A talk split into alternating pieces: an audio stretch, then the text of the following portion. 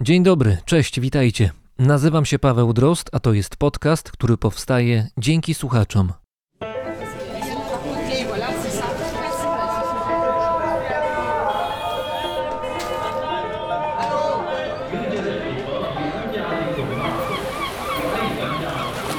Brzmienie świata z lotu Drozda.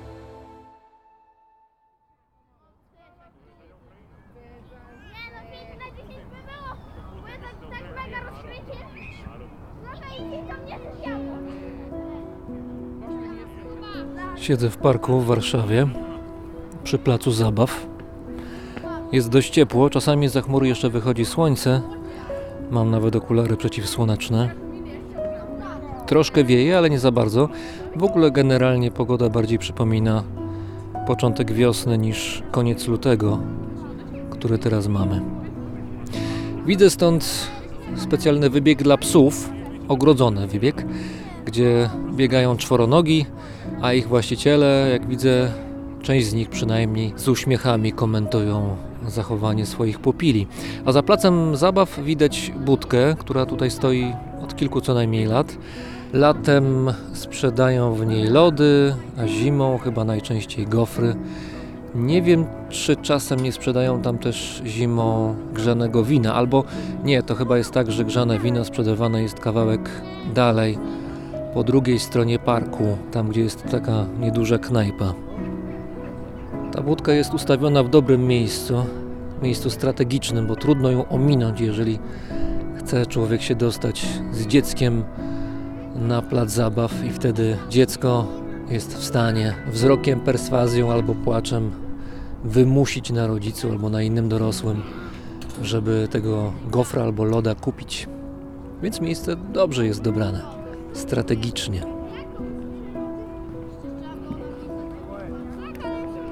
Środek dnia, spokój,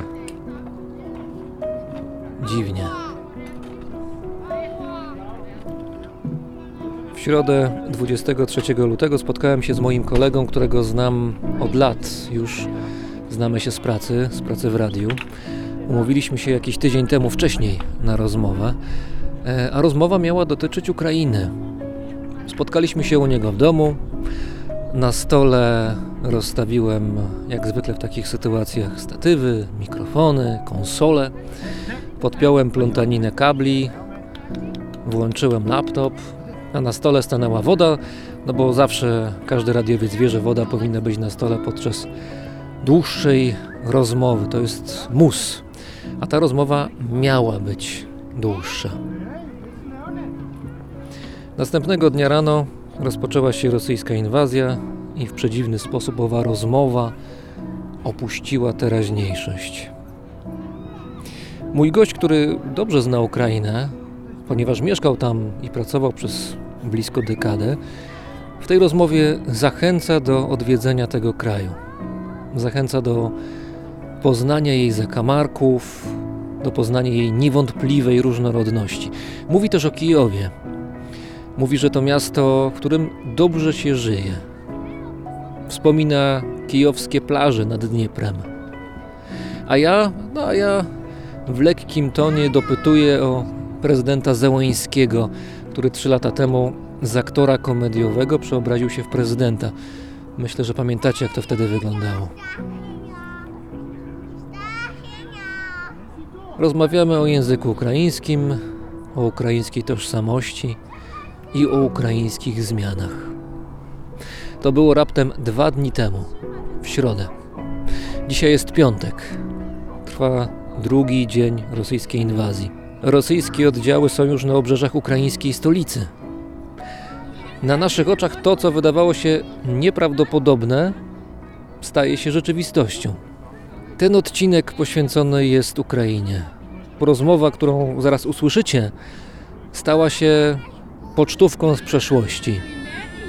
Z tego, co było. A jak będzie, tego jeszcze nie wiemy.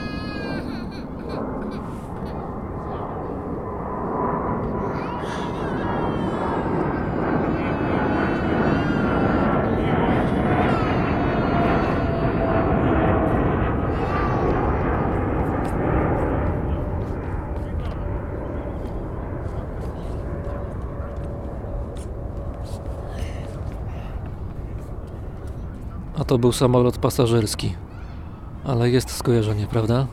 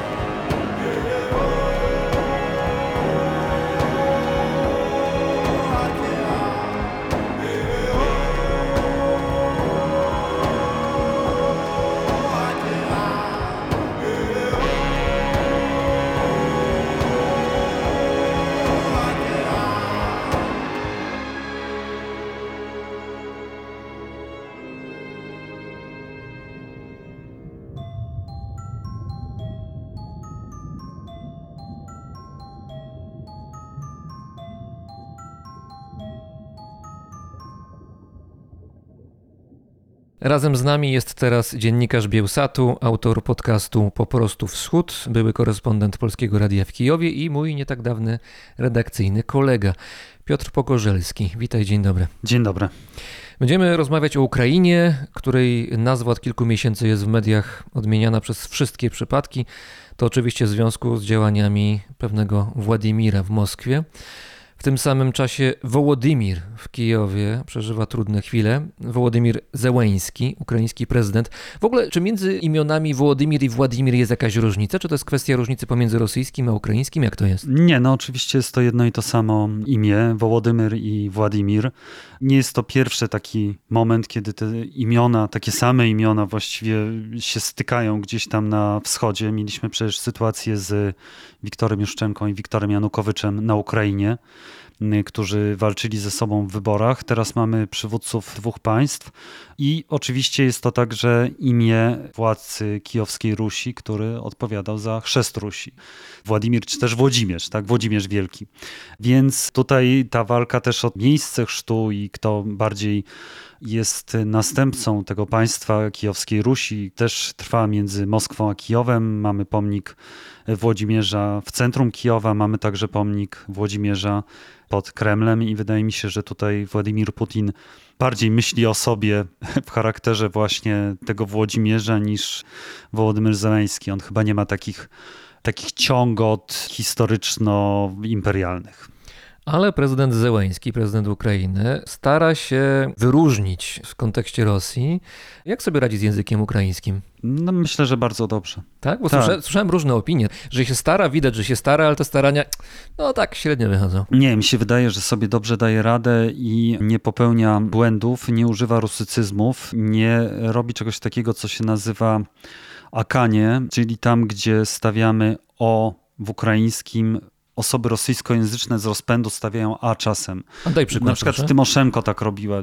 No, teraz z głowy nie powiem, ale na przykład to jest choroba Tymoszenko, osoby rosyjskojęzycznej, która mówi po ukraińsku i w w momencie, kiedy trzeba właśnie dać O, ona stawia A.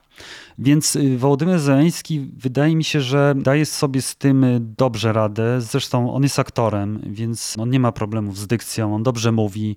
Chcesz powiedzieć, że gra na swój E, ukraiński.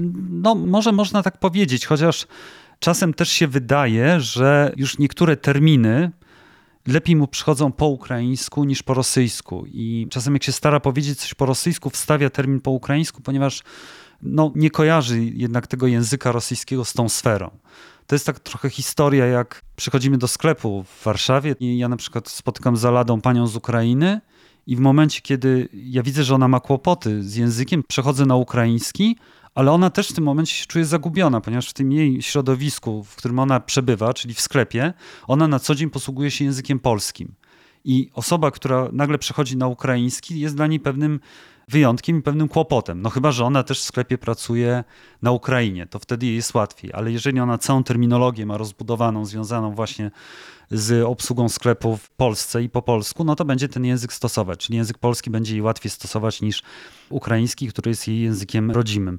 Więc wydaje mi się, że trochę taka historia jest z Zeleńskim, że w momencie, kiedy są terminy polityczne, politologiczne, on tutaj lepiej się nawet porusza w języku ukraińskim.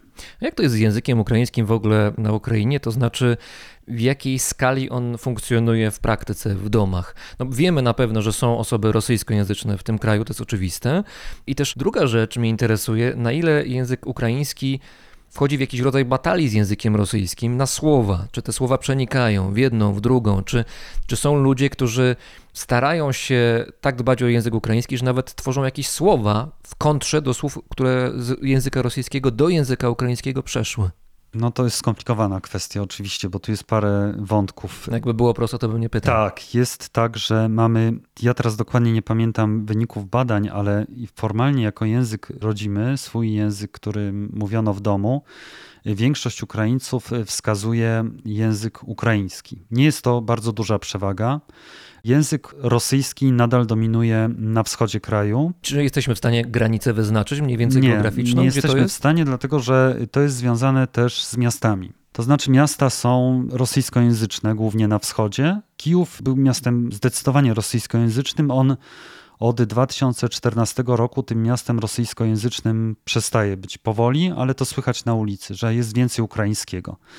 Są też odpowiednie ustawy. Całkiem niedawno weszła w życie ustawa, która, znaczy ona była przyjęta już parę lat temu, ale był jakiś czas na przygotowanie się, że kiedy wchodzimy do sklepu, osoba za ladą ma mówić po ukraińsku. A, Ale w momencie, kiedy klient zażyczy sobie przejścia na język rosyjski, angielski, czy inny, czy polski, to oczywiście sprzedawca, czy też kelner musi się na to zgodzić. a są takie lotne brygady, które wchodzą nagle z ulicy do Były takie sklepów, brygady, sprawdzają? Tak, tak, sprawdzają? Tak, ale to były raczej, powiedzmy, że działania chyba aktywistów raczej niż państwowych Ja się brygad. trochę podśmiechuję, ale to jest dosyć poważna sprawa. Zresztą no, w Europie Zachodniej, we Francji na przykład, Francuzi są bardzo wyczuleni, jeżeli chodzi o kwestie językowe i zwracają uwagę na to, żeby anglicyzmy czy słowa obce nie przechodziły do języka rodzimego i też mają swoje ustawy, które każą im właśnie w sposób specyficzny, specjalny, szczególny traktować swój język, więc no, nie ma co się dziwić, że Ukraińcy, którzy też budują, są na etapie budowania swojej tożsamości czy odbudowywania swojej tożsamości, zwracają uwagę na ten język. No tak, rzeczywiście rozwiązania francuskie są też stosowane na przykład w mediach. Jeżeli chodzi o ilość muzyki ukraińskojęzycznej. No w Polsce które- też trochę tak jest. Tak, i, tylko że tam jest dokładnie ustalone tak, że nie pamiętam jak jest w Polsce, czy jest ustalone w godzinach, że po prostu w danej godzinie dany procent musi być po Już Nie ukraińsku. pamiętam jak to było, ale wiem, że są pomysły w tej chwili, żeby zwiększyć ten Tak. procent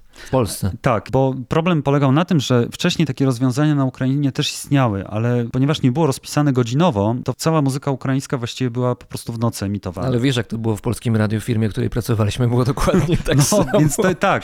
I to, Ciemna noc i wtedy polska muzyka szalała. tak, więc to są rzeczy, których trzeba uniknąć, ale co jeszcze chciałem powiedzieć o tym języku? Do miast, szczególnie na wschodzie, takich industrialnych, jak Dniepr, Zaporoże, Charków, Donieck. Ściągano ludzi z całego Związku Radzieckiego i dużo było też Rosjan, Białorusinów i ten język rosyjski był takim ich językiem wspólnym. I także do Kijowa. Więc te miasta automatycznie się rusyfikowały. Jest nawet znana piosenka ukraińska, śpiewana po ukraińsku, właśnie mówiona o tym, że później rozejdziemy się po zrusyfikowanych miastach, rozjedziemy się. Tytuł to jest Liżwona. I to jest właśnie taka sytuacja, która powoli bardzo się zmienia.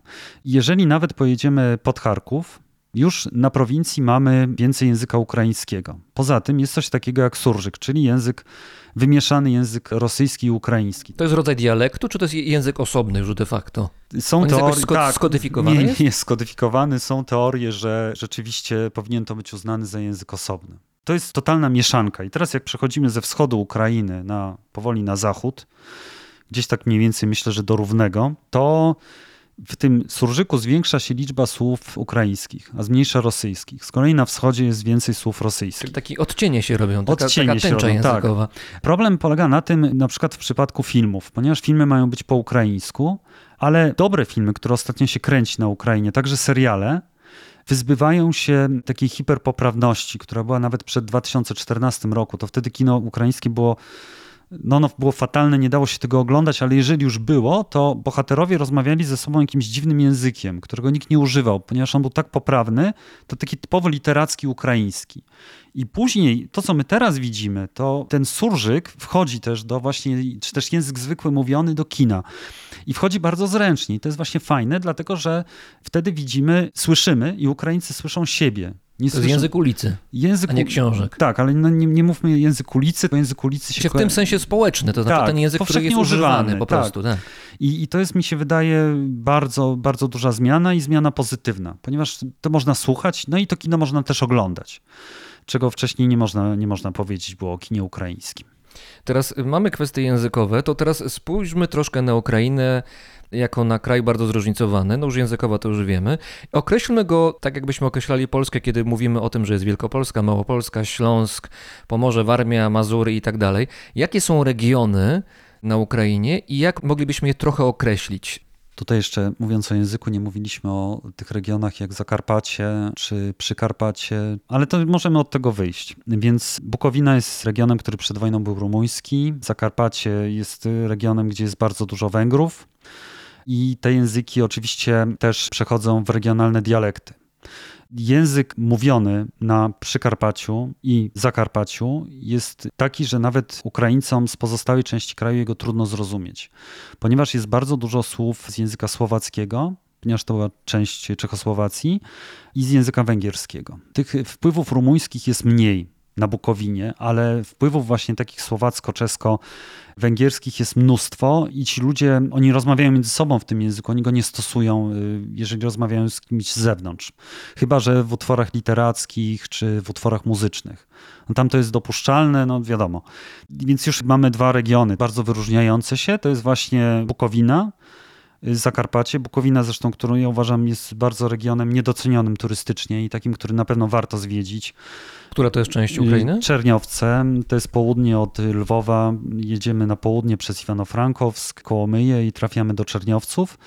Na dole mamy Suczawę już w Rumunii. I to jest jeden region geograficzny, czyli Bukowina, podzielony po II wojnie światowej. Czerniowce przed wojną były rumuńskie, to widać w architekturze, wcześniej były austriackie, co też widać w architekturze. Jest to bardzo ładne miasto, jest ono też bardzo zaniedbane. Jest zaniedbane, wydaje mi się, no, z powodu władz lokalnych. Od kiedy na Ukrainie od 2015 roku zaczęto robić reformę samorządową, widać, które miasta są zadbane, ponieważ mają dobre władze, a które są zaniedbane, ponieważ władze jakby o nie nie za bardzo się troszczą. Jest tam też bardzo duży cmentarz żydowski, dość dobrze zachowany, cmentarz chrześcijański, gdzie leżą prawosławni, protestanci, katolicy. Tam też bardzo jest ciekawe to, że jeżeli się spojrzy na groby, mamy napisy w trzech językach często, ponieważ mamy na przykład niemiecki, później okres rumuński, czyli rumuński, no i później rosyjski. To czy nagrobki są trójjęzyczne? W zależności od tego, kiedy kto umarł z rodziny, Aha, jego nazwisko jest inaczej zapisywane. ciekawe. No tam jest dużo ciekawych rzeczy, więc ja myślę, że jeżeli ktoś jedzie na południe Bukowiny do Suczawy w okolicy, żeby popatrzeć na malowane na zewnątrz cerkwie, to też może zajrzeć na północ, na Ukrainę. Akurat tam są normalne przejścia, gdzie nie ma kolejek. Później mamy ten region Zakarpacia, który też się wyróżnia, wyróżnia się dużą mniejszością węgierską. Mniejszość węgierska, dużo z tych osób ma paszporty, dowody osobiste węgierskie. To jest związane z polityką Budapesztu, który bardzo dba o swoją mniejszość poza granicami. Ale oni jednocześnie są obywatelami Ukrainy. Tak, z tym, że jest to nielegalne, ponieważ na Ukrainie podwójne obywatelstwo jest niedozwolone, ale nie jest karane, więc te osoby jakoś funkcjonują i to funkcjonują dość nieźle. Viktor Orban się zorientował w pewnym momencie, że ci ludzie wyjeżdżają, wyjeżdżają na Węgry, co też mu się do końca nie podobało, bo idea jest taka, żeby zachować wpływy swoje poza granicami.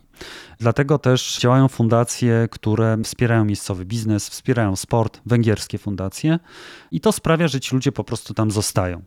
Tam są miejscowości, gdzie nie można się porozumieć w żadnym innym języku niż węgierski. Przyjeżdżasz, mówisz po ukraińsku, po rosyjsku, ci ludzie po prostu nie rozumieją. Oni nie mówią, oni między sobą mówią po węgiersku. Językowa enklawa. Tak, no Ukraińców to boli, jest to pewien problem. Są też miejscowości na Bukowinie, gdzie też ludzie mówią po rumuńsku, tam już jest chyba trochę lepiej z ukraińskim czy rosyjskim. Oni się tym językiem posługują, ale no tam też są bardzo ciekawe zwyczaje, między innymi na przykład zwyczaj małanki, czyli takiego pochodu kolędników w Starym Nowym Roku, czyli w okolicach 13 stycznia, a także wcześniej i to są ciekawe zwyczaje, które na pewno warto, warto zobaczyć. No później mamy Ukrainę Zachodnią, kolejny region, czyli tam, gdzie najczęściej przyjeżdżają Polacy, czyli Ivano-Frankowsk. A czy używa się takiej nazwy? Ukraina Zachodnia, czy to ma jakąś inną nazwę? Oczywiście formalnie to są obwody, Mhm. jeżeli chodzi Czy o obwody są odpowiednikami, administracyjny. Odpowiednikami województw w Polsce? Tak, ale nie są odpowiednikami geograficznych krain. Ponieważ Mhm. mamy na przykład Charków, Siewierodoniec, to jest obwód ługański, to jest y, Słobożańszczyna, tak? Słobożańszczyzna, tak się nazywa ten region. Jest też region naddnieprański, no jest oczywiście Wołyń także, z tym, że tu się dość dużo rzeczy miesza, dlatego że mamy na przykład miejscowość Nowogród Wołyński, która jest między Żytomierzem a Równem. Ona nie jest na Wołyniu, ona jest na Polesiu, ponieważ Polesie to jest też ten kolejny region. Nie ma też obwodu poleskiego. No jest na Polesiu, ale ponieważ kiedyś to była gubernia wołyńska za czasów Imperium Rosyjskiego, to ta nazwa została. Jest co ciekawe, przy granicy z Polską jest miejscowość, która się nazywa Włodzimierz. Ona do niedawna, do początku tego roku albo do końca zeszłego, nazywała się Włodzimierz Wołyński. Ale właśnie w ramach walki z wpływami tutaj imperialnymi rosyjskimi, ponieważ to Rosjanie taką nazwę dodali, Wołyński, żeby się nie mieszał z Włodzimierzem pod Moskwą, to ten Wołyński po prostu usunięto. I miejscowość się teraz nazywa tylko Włodzimierz. A to ciekawy wątek poruszyłeś. Czy, czy wobec tego jest jakiś rodzaj, może nie walki historycznej, ale jakiejś takiej refleksji, że warto byłoby zerwać z przeszłością, która sięga jeszcze czasów caratu i pewne rzeczy pozmieniać, żeby pokazać, że teraz jest nowe? Na pewno mamy do czynienia ze zmianami nazw komunistycznych. Na przykład w Kijowie jest stacja metra Petriwka, czyli Piotrówka, można by było to w ten sposób przetłumaczyć. Ona teraz została zmieniona, ta nazwa na Poczajne. Piotr I tutaj? Nie, nie, nie, nie, nie, komisarz Piotrowski. Komisarz Piotrowski. Tak, i to był komisarz komunistyczny, na cześć którego nazwano właśnie tę stację metra. Dniepropietrowsk też jest na jego cześć. Był na jego cześć, dlatego że tutaj nazwę po prostu skrócono do nazwy Dniepr. I to jest y, właściwie dobre, bo i tak wszyscy używali tej nazwy, takiej skróconej poza oficjalnymi jakimiś wypowiedziami. Wracając do tych regionów. Mamy Wołyń, który jest regionem z bardzo dużą ilością ludności napływowej. Wbrew pozorom nie jest to region, który jest bardzo ukraińskojęzyczny. Tam jest To mówimy o zachodniej Ukrainie O zachodniej teraz. Ukrainie, ale jednak tam ta czystość tego ukraińskiego jest dość rozwodniona przez rosyjski. Ja nie wiem dokładnie dlaczego. Przypuszczam, że mogły to być jakieś przesiedlenia związane z koleją, z granicami także, prawda? No, bo to była jednak zachodnia granica Związku Radzieckiego. I później idąc dalej na zachód jest Polesie. Polesie jest regionem, który jest uznawany na Ukrainie za region dość biedny, region, gdzie są pola, bagna i lasy. I to widać, jeżeli ktoś jedzie z Warszawy do Kijowa trasą warszawską, tak zwaną, czyli północną, to generalnie ona jest nudna po prostu. Na części ukraińskiej ona jest dobra, jest fajnie zrobiona, ale cały czas mamy tylko las, las, bagno, bagno, las, las, bagno, bagno i tak przez te 400 kilometrów. No to zachęciłeś mnie. Tak, tak. Nie, no oczywiście można odbić gdzieś tam w bok i zobaczyć. No, tereny są też ciekawe i tam jest z kolei język z pewnymi wpływami języka białoruskiego, który też ciężko czasem zrozumieć, ponieważ to się wszystko miesza z rosyjskim oczywiście i z ukraińskim. I to jest taki region, gdzie według powiedzmy legend takich ukraińskich mieszkają wróżki, jakieś różne stwory magiczne wychodzące z tych bagien. No jest to bardziej w ten sposób kojarzone. Wydaje mi się, że to trochę mogłoby się odnosić nawet do naszego Podlasia, jeżeli patrzymy z punktu widzenia Warszawy. Ponieważ te regiony jak Zakarpacie, Przykarpacie, trochę Bukowina, one są bardziej turystyczne, tam jednak dużo ludzi jeździ. Szczególnie na Przykarpacie, tam jest co oglądać, są kurorty narciarskie, to się teraz bardzo rozwija. One są bardziej znane po prostu. No i później mamy tę Ukrainę centralną, Żytomierz, Kijów, idąc na południe mamy Dniepr, miejscowość Dniepr, Hersoń, Mikołajów, to są terytoria już bardziej rosyjskojęzyczne, ale, i tu warto to podkreślić, że to, że jeżeli ktoś jest rosyjskojęzyczny, to nie znaczy, że on jest, czeka na to, aż przyjadą tam rosyjskie czołgi. I to jest bardzo duży błąd Władimira Putina, który on popełnił w 2014 roku, że on właśnie myślał, że ludzie, którzy są rosyjskojęzyczni, od razu poprą tak zwaną rosyjską wiosnę. Podziwiam cię, że wiesz, co myśli Władimir Putin, bo chyba nikt nie wie. Nie wiem, czy on sam wie, co Myślę, że to jest. y, Znaczy, ja szukałem powodów błędu jego. Dlaczego on liczył na jednak zawojowanie całego południa i wschodu Ukrainy, a jednak do tego nie doszło w 2014 roku.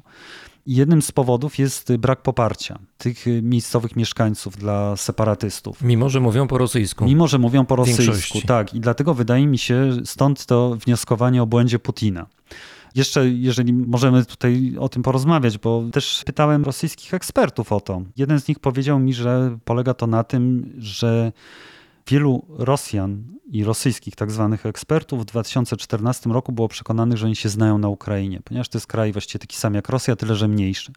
I tutaj popełnili błąd. No i jeszcze kolejna teoria mówiąca o tym, że instytuty, które przygotowują ekspertyzy dla rosyjskich władz, starają się robić to w ten sposób, żeby to się tym władzom spodobało. Więc one tutaj przekonywały, że tam poparcie jest duże dla Rosji dla Moskwy.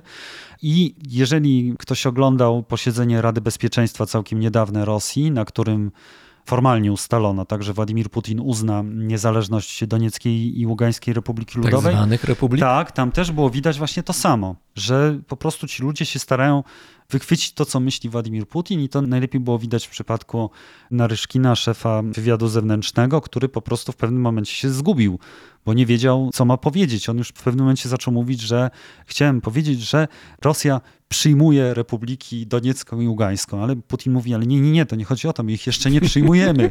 My dopiero, będzie później, to Tak, będzie to my, ich, my je uznajemy. A On, no to w takim razie ja jestem gotów. Ale jest pan gotów, czy powinniśmy uznać nie- niezależność? To- się pogubił w planach. tak, i to przecież osoba jednak no, nieprzeciętna, ale pogubił się w planach i w tym, co władze chcą usłyszeć. Region y, Odessy oczywiście jest regionem, gdzie też jest dość duża turystyka, gdzie dużo ludzi przyjeżdża. Jest to region bardzo ciekawy. Ale też bardzo rosyjski, bo zresztą Odessa powstała, zdaje się, Tak. jako taki ośrodek ewidentnie rosyjski, ośrodek moskiewski. Tak, ale tutaj obawiam się, żebyśmy nie weszli w taką retorykę Putina, tak, z tego jego wykładu Ja mówię tylko o historii teraz. Kiedy on też mówił tylko o historii, generalnie jakby wykazał, że cała Ukraina została stworzona przez Rosjan, z tym, że u niego oczywiście konsekwencją tego jest to, że no, Ukrainy nie powinno być, powinna być Że ja tak daleko nie idę, no ale faktem jest to, że Odessa Tak, powstała tak, ewidentnie tak, z tak, tak, inspiracji Okej, rosyjskiej. Oczywiście. Tylko pamiętajmy, że tam też żyli wcześniej ludzie. Oczywiście, I, oczywiście. I żyli ludzie także, no między innymi kozacy, do której to tradycji odwołują się O kozakach też porozmawiać. Ukraińcy. I teraz jeszcze dalej, idąc na zachód, jest bardzo ciekawy region, który mi się wydaje jest niedoceniony i który warto odwiedzać, to jest Budziak. To jest region y, nad Morzem Czarnym, region, gdzie jest mało turystów, gdzie jest wspaniała przyroda i wspaniałe plaże i po prostu niesamowicie lazurowe morze. I to jest przecudowne miejsce. I po prostu, z tym, że no mało kto tam przyjeżdża, teraz jest lepiej, ponieważ od paru lat jest już y, trasa Reni-Odessa i można dojechać właściwie bez problemu. No, chociaż jadąc już po bocznych drogach, trzeba się przygotować na pewne koszta, ale nie są one duże. No, Mówisz o kosztach naprawy samochodu? tak, znaczy u mnie się to skończyło naprawdę jakimś drobnym podwieszeniem takiej pokrywy od silnika, od dołu, Mhm. za co zapłaciłem bodajże 1 euro w warsztacie pobliskim. Więc to akurat jest nic, ale to też zależy, prawda, kto jak jeździ, jaki ma samochód, ale jest to fajne, dlatego że tam się jeździ po prostu po polach. Są drogi, te drogi boczne, które są po prostu totalnie zniszczone, ponieważ to jest bardzo zaniedbany region i powstają tak zwane trasy ludowe, czyli trasy polne. Polne drogi, które są równoległe do tych zwykłych, tylko szybciej jest jechać polną drogą niż jechać po dziurach. To jest też region, tam też Bułgarzy mieszkają, to jest też y, interesujące. No w ogóle na Ukrainie mamy dość dużo takich mniejszości narodowych, Węgrzy, Rumunii, o których mówiliśmy, Bułgarzy, także obwód hersoński, to jest na północ od Krymu i to jest obwód, gdzie też jest dość duża grupa Tatarów krymskich. I teraz są dwie grupy. Jedna grupa to są Tatarzy, którzy wyjechali z Krymu i osiedlili się tuż przy granicy z Krymem po rosyjskiej aneksji, ale takich jest mało, dlatego że większość z nich jechała dalej na północ do Kijowa albo do Lwowa. Lwów okazał się takim miastem, gdzie tych Tatarów się dość dużo znalazło. A druga grupa to są Tatarzy, którzy w czasach pierystrojki, kiedy już zaczęto im pozwalać, ponieważ ta grupa została wysiedlona po II wojnie światowej z Krymu, na powroty z Uzbekistanu, z Azji Środkowej, szerzej mówiąc, właśnie na Ukrainę, czy też na Krym, część z nich się osiedlała w obwodzie hersońskim. Znaczy jakby w tym momencie, kiedy jeszcze nie było pewne, czy można wrócić na Krym. Oni jechali do obwodu Taki przedsionek Krymu. Taki przedsionek Krymu, więc tam jest dość duża taka grupa. No i później już, już idąc nad morzem, to też oczywiście mamy Mariupol, który jest miastem przemysłowym, industrialnym, ostatnio bardzo zadbanym, ponieważ Ukraina dużo inwestuje w to miasto i także inwestuje Rinat Achmetow, najbogatszy Ukrainiec, który dużo stracił w wyniku tego całego powstania separatystycznego. Znaczy on je może na początku popierał, ale później trochę mu się to wymknęło z rąk i zostało to przejęte przez Rosjan i wtedy no, stracił swój biznes, który tam jest w Doniecku i stracił swoją perłę, czyli stadion Szachtara. Więc on teraz o Mariupol dba, ponieważ tam ma swoje zakłady. Miasto ma fatalne powietrze, ekologicznie jest kiepsko, tak samo zresztą jest w Dnieprze, ale leży nad morzem. I jest bardzo ciekawa plaża, która jest w pobliżu torów kolejowych, gdzie z plaży mamy wspaniały widok na różnego rodzaju zakłady przemysłowe, które w zależności od tego, co akurat produkują, mają odpowiedni kolor tych dymów, które są pomarańczowe. Turystyka fioletowe. industrialna połączona z morzem. Tak, i to jest też ciekawe, że jest bardzo znany bloger Denis Kazański, z, obecnie z Kijowa, ale z Doniecka, który miał taki pomysł właśnie na Donieck jako miasto turystyki industrialnej, przemysłowej, czy też właściwie teraz można by było powiedzieć postprzemysłowej. Dlatego, że mamy wiele zakładów opuszczonych na tym terytorium i to nie tylko na terytorium separatystycznym, ale w ogóle na terytorium obwodu donieckiego. I no, był pomysł, żeby tam ludzie przyjeżdżali i to zwiedzali. Mi się wydaje, że dla wielu osób byłoby to ciekawe. A czy to nie jest tak, że gdzieś tam w tej okolicy, chyba bardziej bliżej Krymu, są jeziora albo jedno jezioro takie kolorowe, które nie wiem, czy ma duże zasolenie, czy tam jakieś dziwne inne związki? Tak, ono jest, jest w obwodzie hersońskim, jest tuż przy granicy z Krymem, i, czyli administracyjnej granicy. To jest takie jezioro, że pięknie wygląda, ale chyba tam kąpać się raczej nie, ludzie nie powinni. Tak, ale na terytorium byłego ZSRR jest parę takich jezior, bo one czasem się pojawiają w jakichś tam wspomnieniach blogerów, czy też na TikToku, właśnie, że ktoś sobie robi fajne zdjęcie. To ponieważ- świetnie wygląda, kolorki to są świetnie ładne. wygląda, tak, ale jak ktoś już wejdzie, to jest, to jest gorzej. Ale akurat to jezioro, moim zdaniem, ono do takich nie należy. To nie jest jezioro postindustrialne, tylko to jest jezioro zasolone. Mhm. Rzeczywiście, ponieważ tam są, y, nie wiem jak to nazwać, kopalnie Chyba różowe soli. jezioro chyba tak się nazywa. Nie pamiętam. Są tam miejsca, gdzie się odsala wodę i to jest prawdopodobnie gdzieś w tych okolicach. I oczywiście no, to jest, tam jest też rezerwa taskanianowa, no ale tutaj jakby nie chcesz się tylko na turystyce koncentrować. No jeżeli pójdziemy na północ, no to mamy miasta na północ od Mariupola, oczywiście Donieck, który teraz właściwie jest niedostępny dla osób z zewnątrz. No i Słowiańsk, Kramatorsk. Miasto o strasznych nazwach, ale też ostatnio trochę się zmieniają. Szczególnie Kramatorsk i to widać, ponieważ tam się przeniosła część administracji z Doniecka, więc miasto się staje bardziej zadbane, choć oczywiście cały czas się odczuwa ten taki nacisk taki przemysłowy, że ty jesteś właściwie nikim, jesteś taką drobinką wśród Trybikiem. tych zakładów. Nawet nie trybikiem, bo trybikiem jesteś jak wchodzisz do zakładów, tak? A zanim jeszcze wejdziesz, to gdzieś tam żyjesz pomiędzy. Mhm. To jest tak trochę, jak ja mam wrażenie zawsze, jak jeżdżę do Berlina, że człowiek gdzieś tam funkcjonuje po prostu z boku wszelkich linii, tam U-Bahnów, S-Bahnów, różnych kolei, tam tramwaj, które funkcjonują w Berlinie, a człowiek gdzieś tam przemyka Masz takie nimi. poczucie przytłoczenia w Berlinie? W Berlinie nie powiem, że przetłuczenia, ale właśnie takiego momentu trochę zagubienia, że tutaj właściwie rządzi transport publiczny, a jestem gdzieś tam między nim. A tutaj mam coś takiego, że są te potężne zakłady przemysłowe i gdzieś tam są ludzie, którzy gdzieś się koło nich osiedlili i właściwie faktycznie tak było, tak? Dlatego, że te miasta powstawały wokół zakładów przemysłowych. No to są nie powiem, że monomiasta tak zwane, chociaż takie też są na Ukrainie, czy takie, które jest, tak jak Starachowice w Polsce, wokół jednego zakładu, ale no dlatego ten region bardzo ucierpiał po 91 roku, kiedy był rozpad Związku Radzieckiego i część tych zakładów podupadła. Część przejęli oligarchowie, którzy za bardzo nie byli zainteresowani modernizacją. Zresztą to widać na przykład właśnie na przykładzie Mariupola, gdzie Achmetow właściwie zdecydował się na przeprowadzanie modernizacji swoich zakładów pod względem ekologicznym dopiero po protestach miejscowej ludności. Bo oni po prostu o tym nie myśleli. Oni doją te zakłady ile, ile wlezie, ile się da. Chociaż teraz już sobie zdają sprawę, że jednak biznes zaczyna mieć jakąś odpowiedzialność społeczną też na Ukrainie i dlatego w to, to inwestuje modernizację i także inwestuje na przykład w uniwersytety Achmetow, który chce po prostu otwierać swoje uniwersytety Metinwestu. Przypuszczam, że jest to związane z tym, że on po prostu potrzebuje kadr do tych swoich zakładów. Krym. Krym. Krym to jest y, oddzielna historia, oczywiście. To jest taki region, gdzie zawsze jak się przyjeżdżało, to ja odczuwałem taki posmak jednak Związku Radzieckiego. Tak? Ja tam byłem lat temu chyba, nie wiem, pewnie z 20, jak nie więcej. Największe wrażenie na mnie zrobiło chyba to, że klimat był taki, powiedziałbym, wypoczynkowo-turystyczno-bajeczno-plażowy, natomiast jedzenie miejscami było takie właśnie siermiężne, kwintesencja radzieckości w kuchni. To było połączenie. Znaczy, takie rzeczy pamiętam pamiętam jeszcze rozklekotane trolejbusy chyba, tak? Tak, tak, no jedna z najdłuższych, jeśli nie najdłuższa To pamiętam. Mieszkałem w trolejbusowa miejscowości właśnie. Ałupka. Tak, więc to Bardzo jest, fajne. to znaczy, jeżeli chodzi o kuchnię, to oczywiście na Krymie najlepsza kuchnia jest kuchnią tatarską, krymsko-tatarską, ponieważ ci ludzie umieją o to zadbać, jak ma wyglądać kuchnia, jak ma wyglądać biznes. I to jest no, naród azjatycki, mieszkali przez lata w Uzbekistanie. Stamtąd też swoje przywieźli. Tak, więc mają trochę inne podejście, ale Krym był takim trochę skansenem postradzieckim i to była formalnie autonomiczna, formalnie to jest tak, autonomiczna Republika Krymu wchodząca w skład Ukrainy. Tam tę autonomię ich było widać bardzo. Był to jedyny region, gdzie większość stanowili Rosjanie.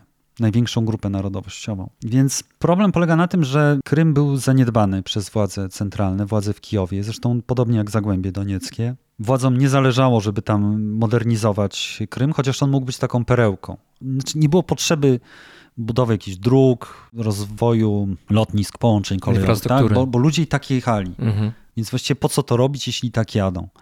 Zaczęło się to zmieniać tuż przed aneksją, kiedy okazało się, że wczasy na Krymie są droższe niż w Turcji. I wtedy coś się tam ruszyło, że powinny być jakieś zmiany. No i plus oczywiście władze centralne mało robiły, żeby pokazać, że jakaś ta kultura ukraińska, czy Ukraina jest atrakcyjna, że warto się uczyć ukraińskiego, że warto żyć w tym państwie. Ci ludzie cały czas żyli, zresztą w większym stopniu niż reszta Ukrainy w tej rosyjskiej przestrzeni kulturowej. Ona jest bardzo, bardzo taka intensywna i to trochę tak jakby włączyć telewizor u nas i mieć we wszystkich kanałach czy w platformach streamingowych seriale rosyjskie, filmy rosyjskie i muzykę rosyjską. Gdzie oczywiście seriali się można śmiać, ale oprócz ich dość prostej treści, one przekazują też bardzo dużo takich kodów kulturowych, przekazują zwyczajów, tak? Oczywiście. 8 marca, 23 lutego, Dzień Mężczyzny. To wszystko idzie dalej, później 1 maja, 9 maja. To I- jest soft power też, tak się to nazywa To jest przecież. ogromny soft power i to jest soft power, który Rosja sobie doskonale z tego zdaje sprawę, dlatego że w odróżnieniu od na przykład polskich kanałów telewizyjnych czy zachodnich, większość rosyjskich jest dostępna za darmo. Można sobie włączyć jakiś kanał na YouTubie i po prostu go oglądać. Tam po prostu wszystko można oglądać jak leci, włącznie z całymi serialami. Więc tutaj Moskwa bardzo dobrze sobie zdaje z tego sprawę. I wracając do Krymu, czyli Krym dla ludzi na Krymie bardziej przyciągająca była Moskwa niż Kijów. I to jest fakt, to nie jest wymysł Władimira Putina. na Kremlu. Tak, no nie jest, to, nie jest to wymysł, jest to fakt taki, że było to zaniedbane i trzeba było być może zrobić więcej, ale władze nie miały tego na głowie i tutaj ten zarzut jest do wszystkich. Włącznie z prezydentem Wiktorem Juszczenką, który był taki bardzo proukraiński i generalnie starał się ukrainizować. Przecież jemu Ukraina zawdzięcza przypomnienie o Wielkim Głodzie, o tej tragedii, która się stała w dwudziestoleciu międzywojennym, kiedy po prostu zginęło kilka milionów Ukraińców. I nieprzypadkowo. Tak, nieprzypadkowo, ponieważ był on wywołany przez władze To było radzieckie. celowe.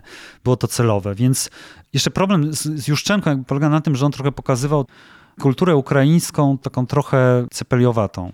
Ludową bardziej. Nie, ludow... mamy prawdziwą kulturę ludową i mamy to, co jest tak zwaną cepelią, czyli Ludową, ale ze skansenu. Tak, ze, ze skansenu.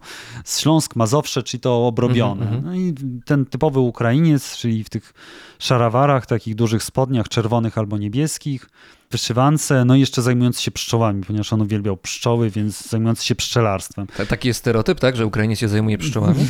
Nie, ale jakby to się wpisuje w jego obecność na wsi. Koło tej chaty ze strzechą, tak, wiśniowy ogród.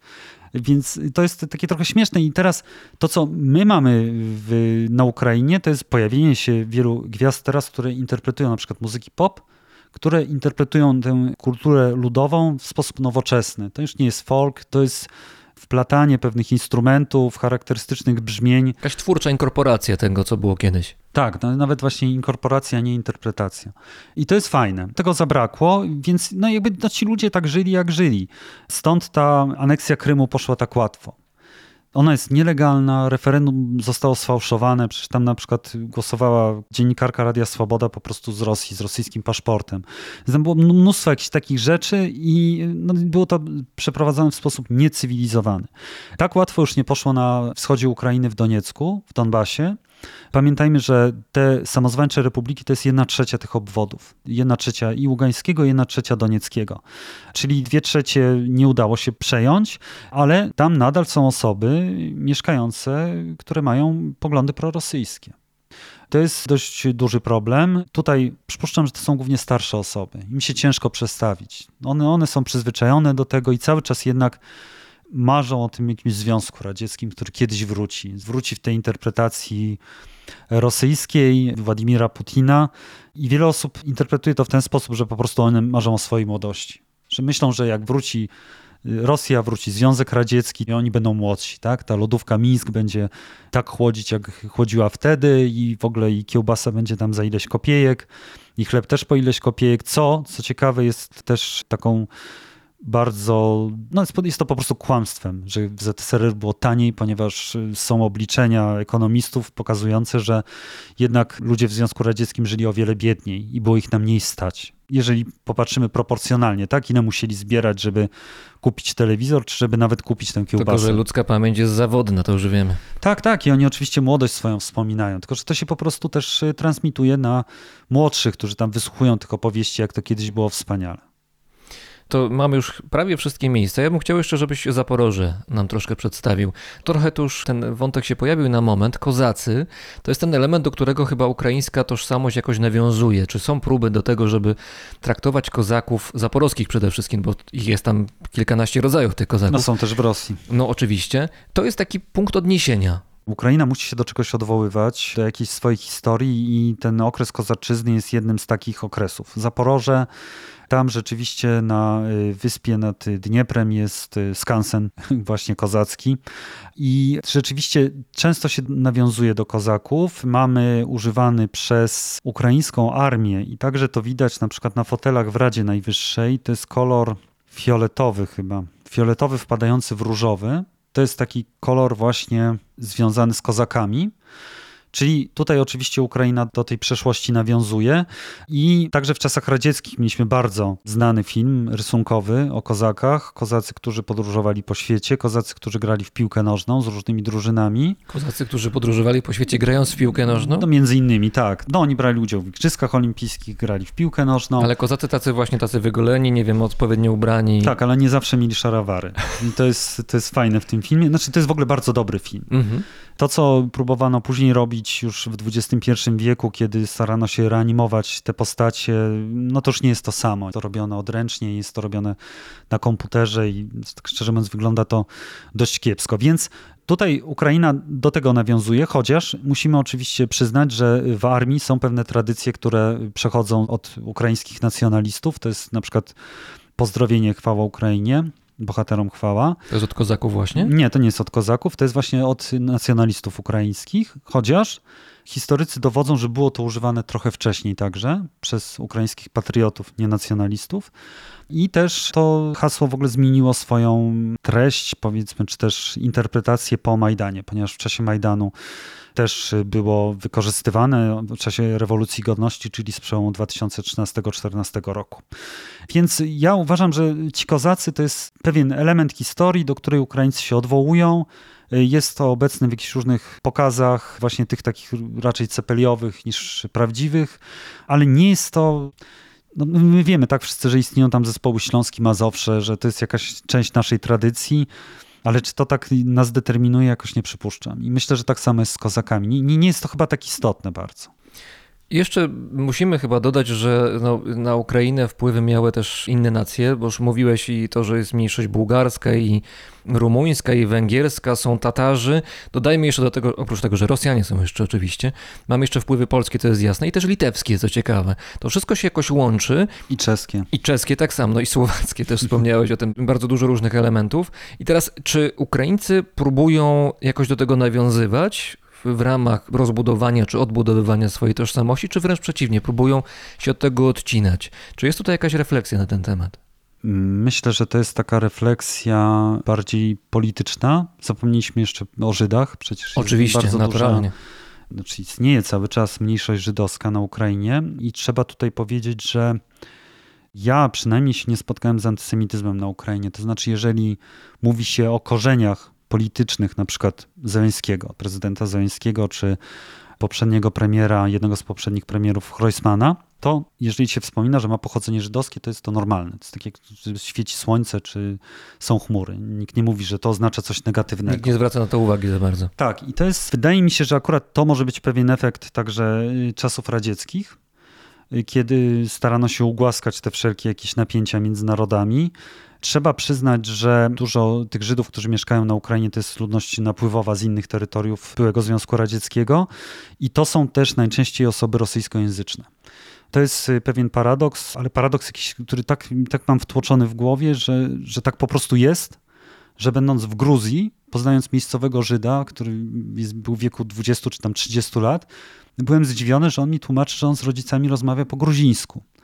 Więc ta mniejszość żydowska w Gruzji mówi po gruzińsku, mniejszość na Ukrainie akurat najczęściej używa rosyjskiego, chociaż oczywiście też to się zmienia, tak jak u wszystkich po 2014 roku. A teraz co do tego, jak to jest interpretowane. Po 2014 roku, czyli po rewolucji, po wybuchu wojny, trzeba było to na nowo zinterpretować, tę całą ukraińskość, ponieważ na froncie i na rewolucji pojawiło się bardzo wiele osób rosyjskojęzycznych, które broniły swojego kraju. Do 2014 roku wśród osób ukraińskojęzycznych nastawionych patriotycznie było przekonanie, że właściwie no, patriotą może być tylko osoba ukraińskojęzyczna. Patriotyzm postrzegany poprzez pryzmat języka. Tak, to no, tak trochę jak w Polsce, tak? Mówisz po polsku, jesteś Polakiem. I później zaczęto to interpretować w ten sposób, jako naród pewien polityczny, ukraiński, niezwiązany z narodowością, czyli tak jak jest w Stanach Zjednoczonych. Ty jesteś Gruzinem, jesteś Żydem, jesteś Rosjaninem, ale bronisz Ukrainy, czujesz się obywatelem tego państwa. Czyli bardziej czyny o mnie świadczą. Czy tak, to, czy tak, jestem tak, Ukraińcem, tak, czy tak, nie. Tak, że jakby no, uznajesz to za swoje państwo. Nie chodzi o to, że jesteś jak w Stanach, że płacisz podatki, to jesteś Amerykaninem, nie? No, powiedzmy na Ukrainie mało kto płaci podatki, ale czuje się patriotą w inny sposób, między innymi walcząc na froncie. I wtedy właśnie przyszła ta refleksja, że no, ci ludzie są też właściwie obywatelami że oni też bronią tego kraju i to bronią w sposób czasem bardziej zaciekły niż osoby ukraińskojęzyczne. I to moim zdaniem była taka bardzo, bardzo duża zmiana i bardzo ważna interpretacja, która jest. Rozmawialiśmy już o Wołodymirze Zełańskim, o prezydencie Ukrainy. Pamiętam, jak rozmawialiśmy ty i ja w 2019 roku, kiedy były wybory prezydenckie ukraińskie i Zełański wtedy był jeszcze kandydatem i tak wszyscy podśmiechiwaliśmy się, że tutaj taki aktor, aktor komediowy, bohater główny popularnego serialu Sługa Narodu. No i proszę, i teraz prezydent, były komik, były aktor jest prezydentem i teraz no, zastanawiam się, czy czy nie jest tak, że on żałuje troszeczkę, że został tym prezydentem? Też bo, o tym myślałem. bo, tak, no bo, no bo wpakował się w potworne problemy, to znaczy nie zazdroszczę mu absolutnie tej sytuacji, niezależnie kim byłby prezydent w tej chwili, czy prezydentka Ukrainy w tym momencie, no to ma potwornie trudne zadanie do wykonania, stres przeogromny, na barkach swoich historyczny, w złym sensie niestety, moment, z którym się Ukraina musi borykać, no, a wcześniej to wyglądało jak żart troszeczkę. Zresztą chyba tak Ukraińcy to traktowali, taki, taki fajny żart, zagłosujmy na chłopaka, niech wygra, zobaczymy jak będzie.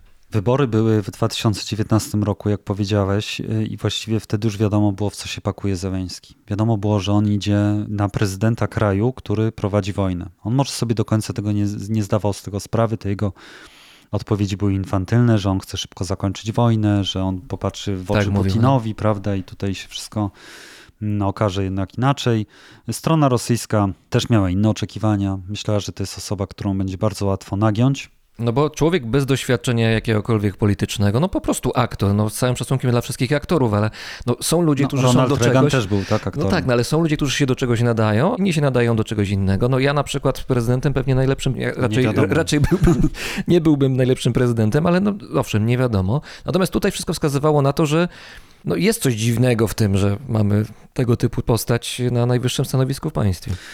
Tak, z tym, że okazało się, że tak do końca nie jest, że jest to osoba, która umie, umie się uczyć.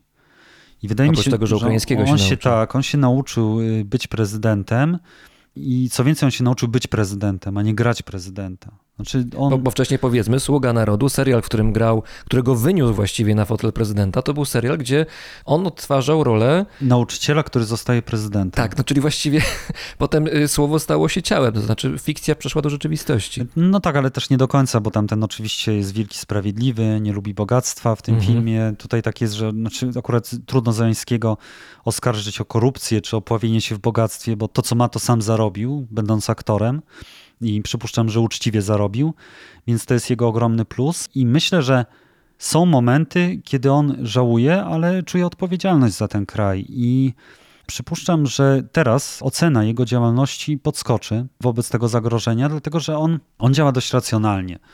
On nie panikuje, on tłumaczy. Oczywiście przez pewien czas marginalizował to zagrożenie ze strony Rosji. Więcej o tym mówiły Stany Zjednoczone niż on, ale też mi się wydaje, że to było podyktowane e, troską o gospodarkę, ponieważ to, co my teraz widzimy, to są dość duże straty gospodarcze związane z y, działalnością Rosji. To są między innymi straty związane z wstrzymaniem inwestycji.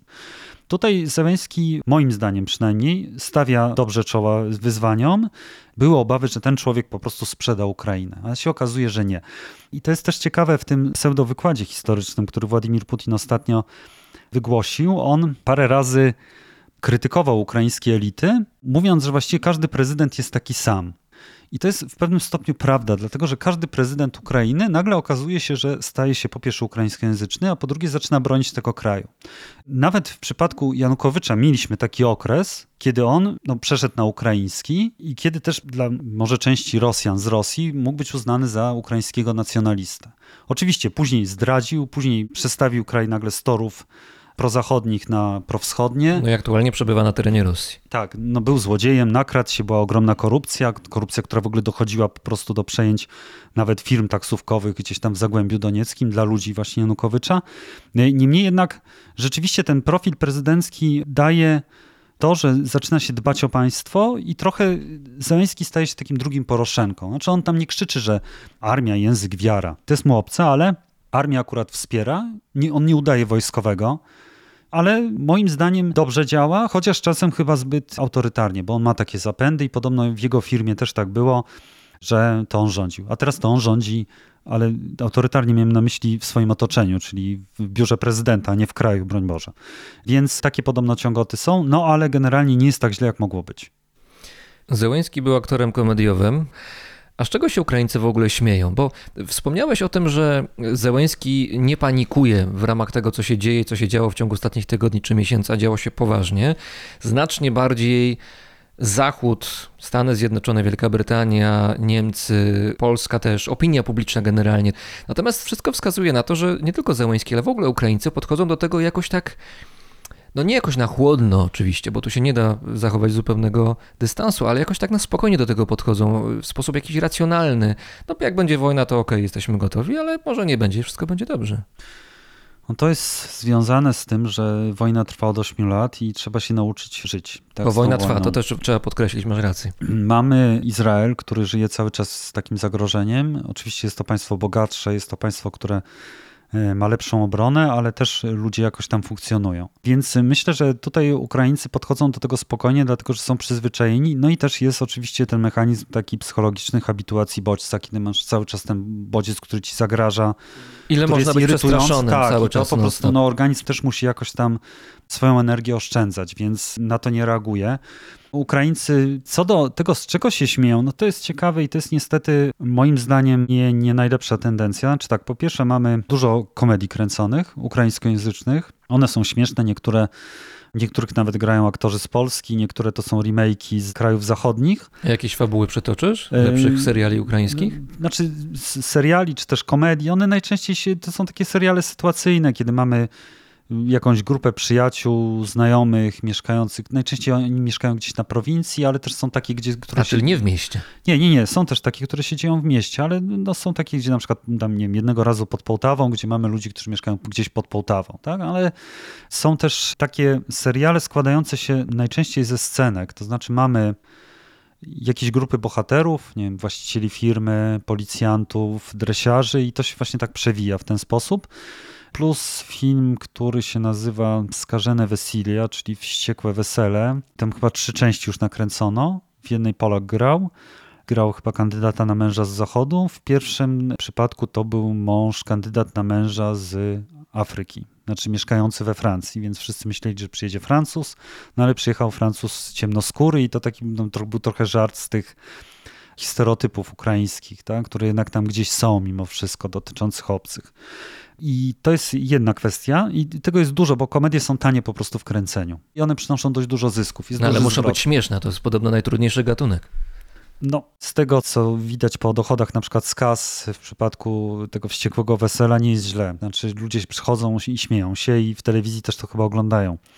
Ale wydaje mi się, że trochę w odwrocie jest y, humor polityczny i trochę Ukraińcy może już są zmęczeni polityką, bo dotąd, do całkiem do niedawna, takim najbardziej popularnym show był show y, Wieczorny Kwartał, czyli wieczorowa dzielnica, no kwartał to tak jak dzielnica mniej więcej. To było robione przez Zeleńskiego i jego ludzi. Później Zeleński został prezydentem i oni stracili właśnie mm, to prowadzenie albo dlatego, że Zeleński już tam nie występuje, albo dlatego, że tam jest za dużo polityki. Dlatego, że oni się po prostu śmieją z polityków i to śmiali się z polityków wszystkich. Od prawa do lewego. Tam podobno też były historie z próbami dawania łapówek, żeby się z kogoś nie śmiać. To chyba sam Zeleński zresztą Ale rozumiem, że te, te łapówki nie były treścią serialu, tylko to się działo naprawdę. Nie, nie, nie, nie. W ogóle jakby wieczorny kwartał to jest po prostu show. To Mhm. jest show, gdzie są tańce, gdzie są scenki różne odgrywane, gdzie są goście. Znaczy nie, nie, nie wiem do czego to porównać u nas, czy coś takiego jest. No, generalnie na terytorium byłego Związku Radzieckiego takie show taneczne były od dawna, koncertowe, w to się o wiele więcej inwestowało, one były lepiej kręcone, dlatego też Ukraińcy mają dobrze kręcone reklamy, dość zręcznie. Oni są dobrzy, jeżeli chodzi o sztuki wizualne.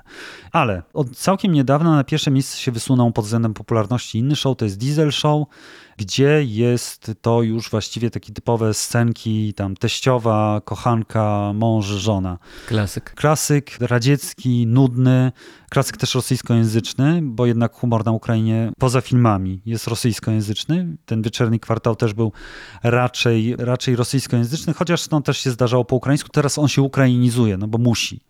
Ale no, Diesel Show moim zdaniem jest o wiele prostszy i nie, nie jest to, co warto oglądać, co jakoś się tam wyróżnia na scenie. No, to, co robił Zeleński było fajne. To, co robi właściwie jego, jego grupa cały czas, to było ciekawe.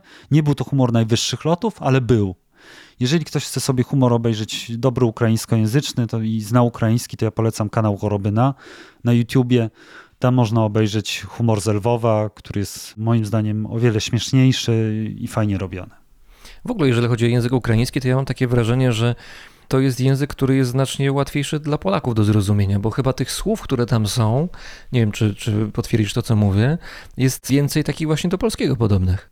Tak, znaczy najbliższe języki słowiańskie do ukraińskiego to jest białoruski i język polski. Co ciekawe, dalej jest rosyjski.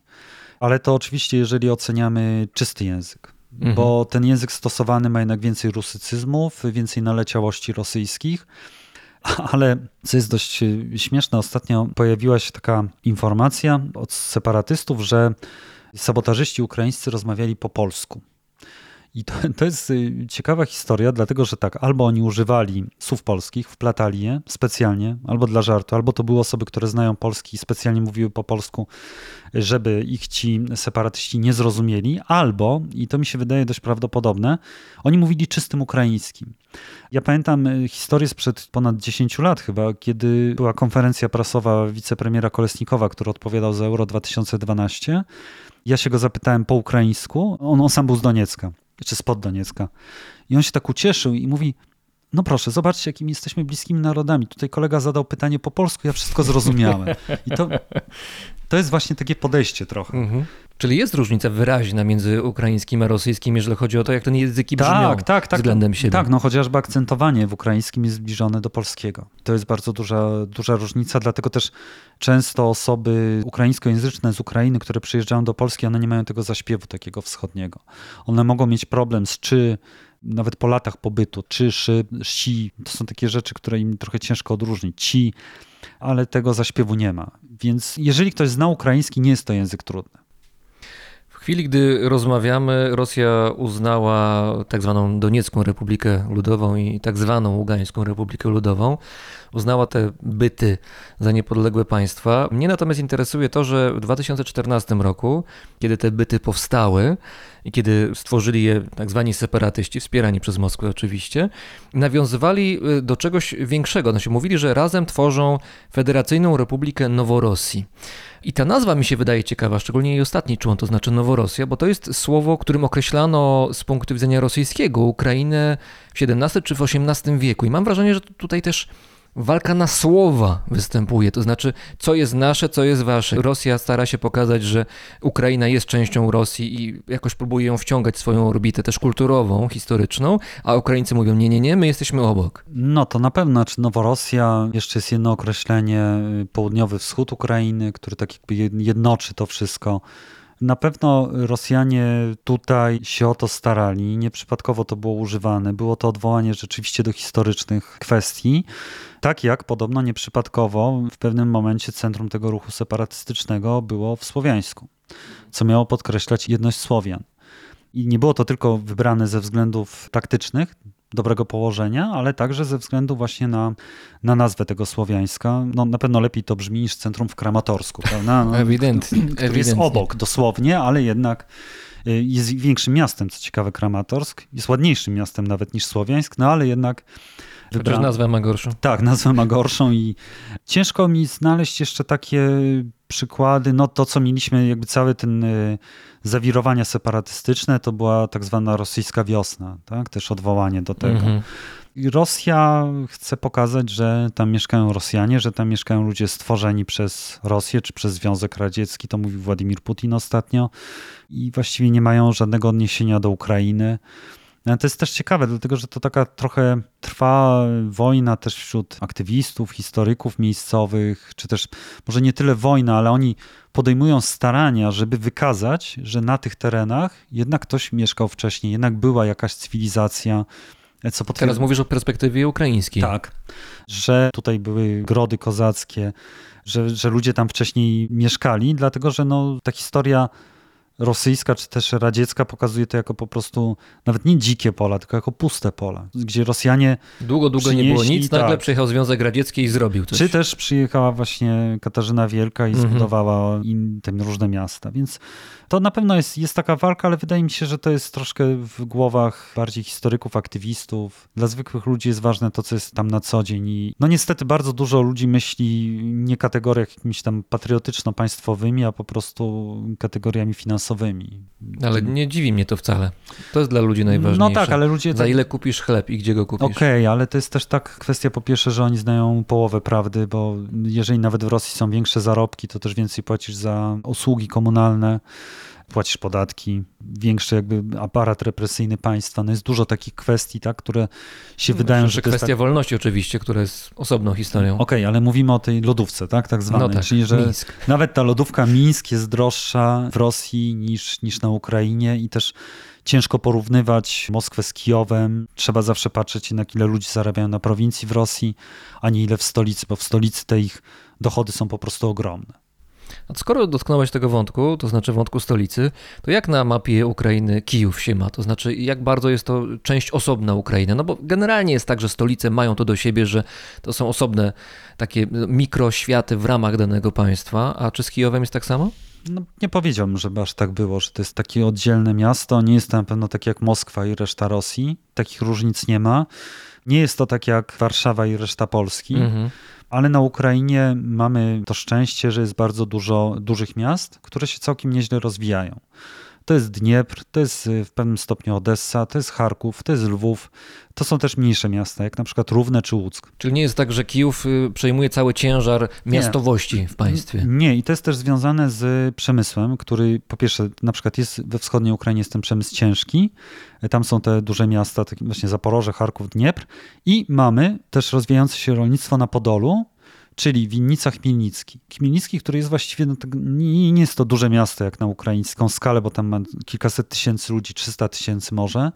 Jest miastem, gdzie jest całkiem fajnie, gdzie są po prostu restauracje, gdzie ludzie chodzą, gdzie widać, że mają pieniądze, dlatego właśnie, że to rolnictwo pociąga za sobą cały y, łańcuszek. To tu od razu też powiem, bo to ważne, żeby wybrzmiało, że to nie jest tak, że my uważamy, że Warszawa jest jedynym dużym, dobrze rozwijającym się miastem w Polsce. Absolutnie tak nie, jest. Nie, nie, nie, nie. I teraz z jednej strony mamy na skali Moskwę i, resztę Rosji, a z drugiej strony mamy Polskę, która właśnie się rozwija w miarę równomiernie. Mhm. Gdzie mamy miasta, tam Wrocław, Kraków, Gdańsk, Trójmiasto. Trójmiasto, gdzie właśnie ludzie żyją tak, jak żyją w Warszawie.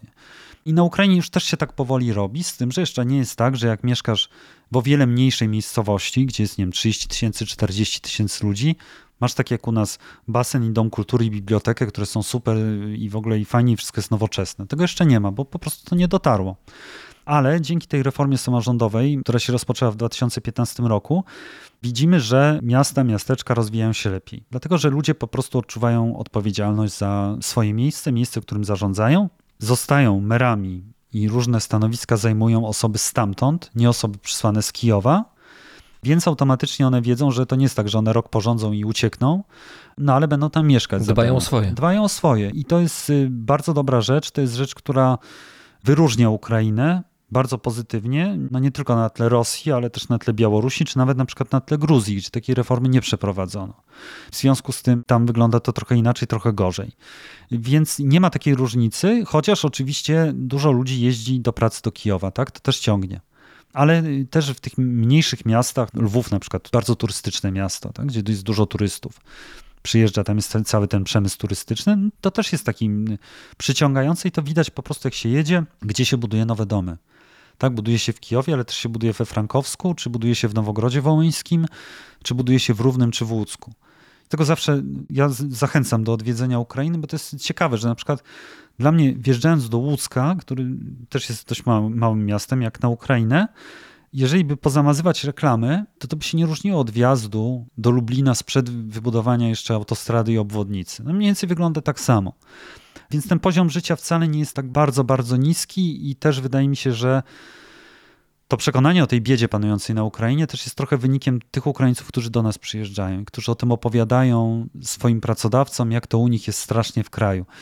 Rzeczywiście w bardzo małych miejscowościach na wschodzie też może być ciężko, bo obwód tarnopolski bardzo biedny obwód.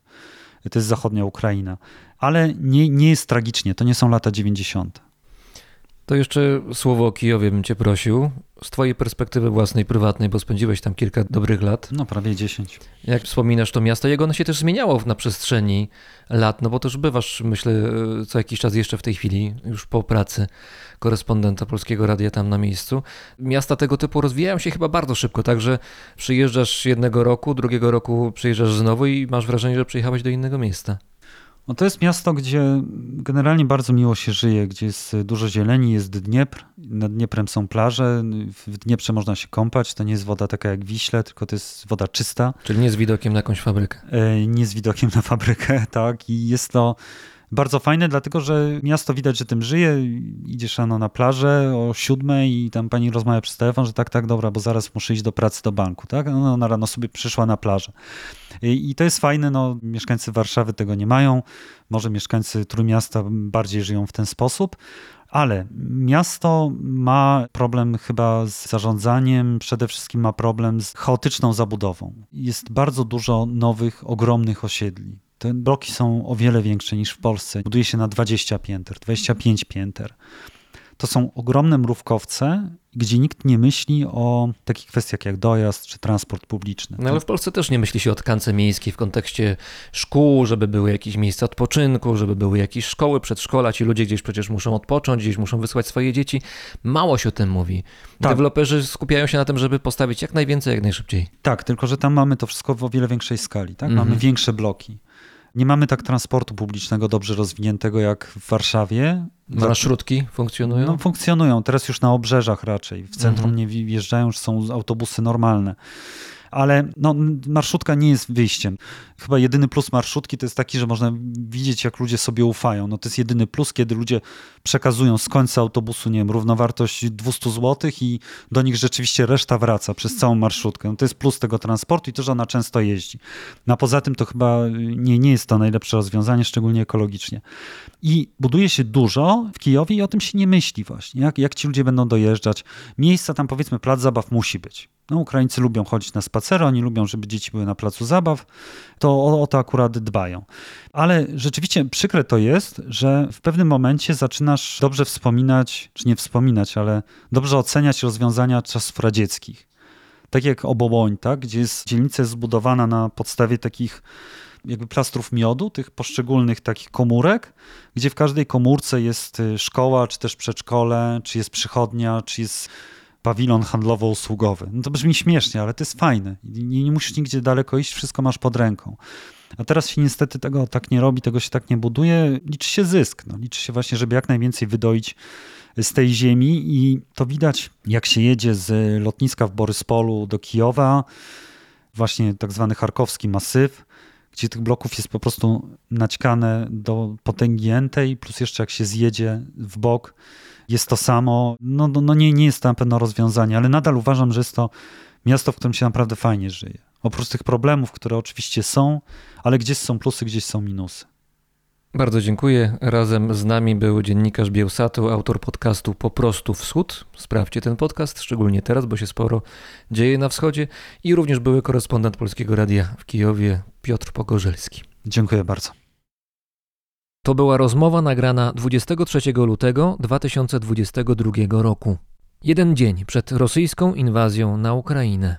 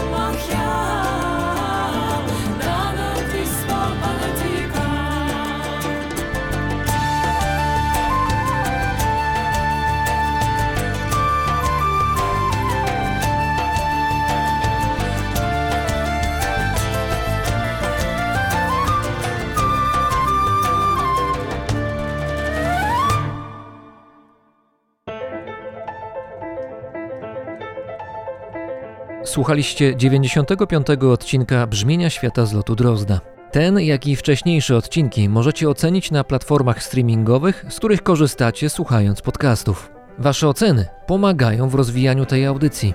Pomóc możecie również na patronite.pl, gdzie trwa zbiórka na rzecz Brzmienia Świata. Za każdą pomoc serdecznie dziękuję, a szczególne podziękowania kieruję do światoczułego patrona Brzmienia Świata, firmy Ergo Ubezpieczenia Podróży. Paweł Drozd, czyli ja, mówi Wam dobrego i bezpiecznego dnia.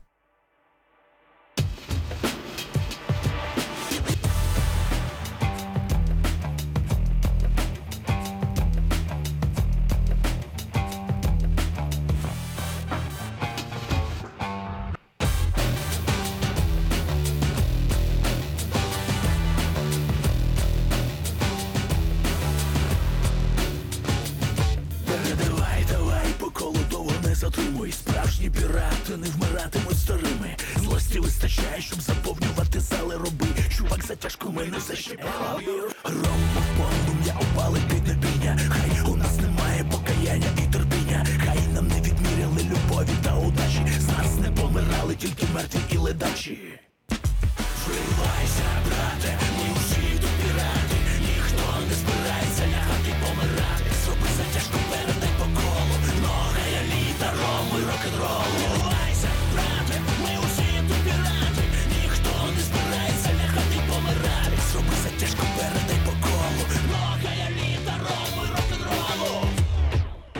нас не плакали нас не плакали, хіба що безсердечні Ми іще не втрачені, але уже приречені. Господь за найкращих і вже їх не повернеш. Ті, що вижили, заздритимуть тим, які померли. Ми готові!